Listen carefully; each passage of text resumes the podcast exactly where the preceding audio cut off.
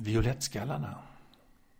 De kom med vindarna från sydöst, men förebådades redan av fullmånen, som enligt de sakkunniga möglade och föll ned i oceanen. Violettskallarna tog sig in där tillfälle gas, De lutade sig nonchalant mot telefonstolpar och störde sannolikt kommunikationen. De placerade sina bakdelar på kampradska björkstolar och smygrökte cigaretter på offentliga platser. De gav sig inte förrän de öppnat en nyckelservicebutik och klagat på pölsan. Man lät viskande cirkulera protestlistor mot violettskallarnas närvaro. Man satte fyr på deras bostäder, man rullade ut spikmattor på deras fordon. Trots motståndet fortsatte de emellertid att komma. I gryningen kunde de lysande violettskallarna komma vandrande gatorna fram med ett leende på läpparna, ibland till och med skrattande eller trallande. Situationen blev till sist outhärdlig. TV-ledningen kallade statsministern och alla ansvariga till ett direktsänt krismöte, endast avbrutet av dansbandsmusik från Ludgo Esras. På ett podium satt, förutom ministern, en kärnkraftsforskare, en biolog, en krigspsykolog, en överbefälhavare samt en tax tillhörig ÖB. Stämningen var allvarlig. Enligt välunderrättade källor som bekräftades av sig själva kunde inget göras förutom att bereda sig. Kärnkraftsforskaren stirrade skuldmedvetet i taket och mumlade något om att eh, violettskallarna förmodligen var ett resultat av mutationer någonstans mellan Three Mile Island och Tjernobyl. Man eh, kunde tyvärr inte gräva ner en enda skalle för slutförvaring utan skyddsdräkt av plastikpadding, vilken därpå måste begravas tillsammans med händerna på den som grävt ner dräkten. Så spelade Ludgo Esras. Biologen vände sig mot utfrågaren som om denne var ännu en elev vid det universitet där han undervisade och sa med ett pedagogiskt tonfall att eh, violettskallarna är rädda för prasslande papper och att de bara faller ner på din rygg om du är naken och går under ekar. Prassla därför ofta med papper och skyl dig med en skjorta när du går under ekar, rådde han därför programledaren, som han stirrade stint i ögonen. Så spelade Ludgo Esras. Krigspsykologen vände sig direkt till kamera 2 för att kunna vända sig direkt till allmänheten. Violettskallarna var förmodligen skapade i laboratorium under det kalla kriget. Mycket mer får inte sägas. Folk måste hålla tand för tunga om hur bazookas laddas när suspekta individer rör sig i grannskapet.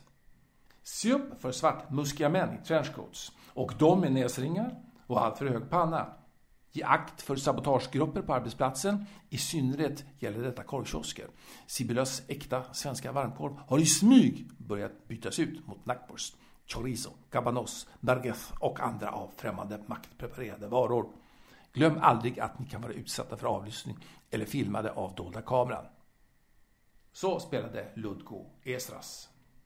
ÖB klappade sin tax och konstaterade att beredskapen varit utmärkt ända fram till dess att regeringen skurit ner anslagen till en spottstyver och nu kunde man bara mota den lede Fi med hjälp av en ynka division flygande tunnor och en rostig tjocka Berta.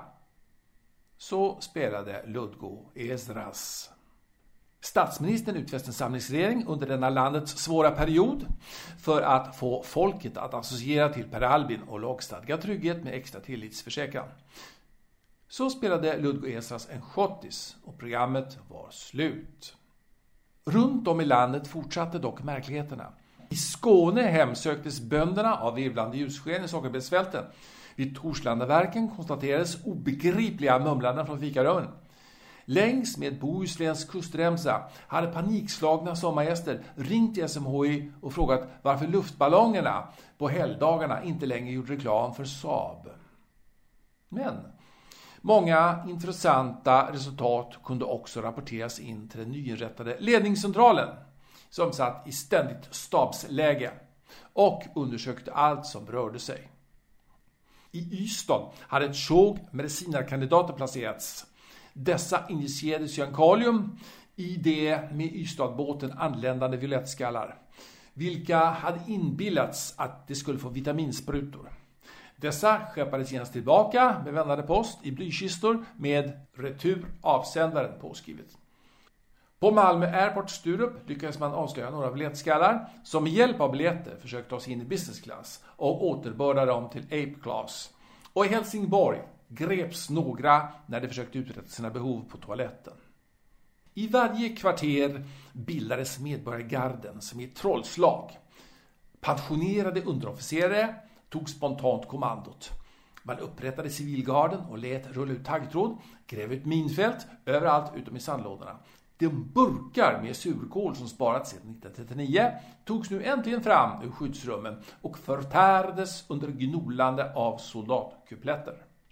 Kvinnorna övertog atombombsproduktionsutvecklingen under Tekniska högskolan i Stockholm och provsprängningarna i Nausta utanför Jokkmokk sköt fart igen. Det marscherade snart i varje gatstump.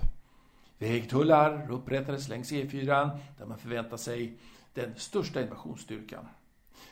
Militären såg sig ändå underbemannad, trots allmän mobilisering. Man ordnade därför en propå till Frälsningsarmén, vars organisation ju ändå var ett duplikat av deras egen. ÖB hade nu funnit det angeläget att överta regeringsansvaret och beslog statsministern med att egentligen vara Viljat skallig, vilket han försökt dölja. Han avrättades utan votering i en kulvert under riksdagshuset. Vargungar och blåvingar enrollerades och fick, mot uppvisande av tillfångatagen biljettskalle, datorspelet Big Bang alternativt Supermodel Contest. Problemet var att biljettskallarna ibland också kunde vara ganska blåaktiga. Då doppades de för säkerhets skull i lackmuslösning i 20 minuter. Några kunde vara mer grönaktiga. Då placerade man dem i förhörslokaler där de snabbt bekände färg.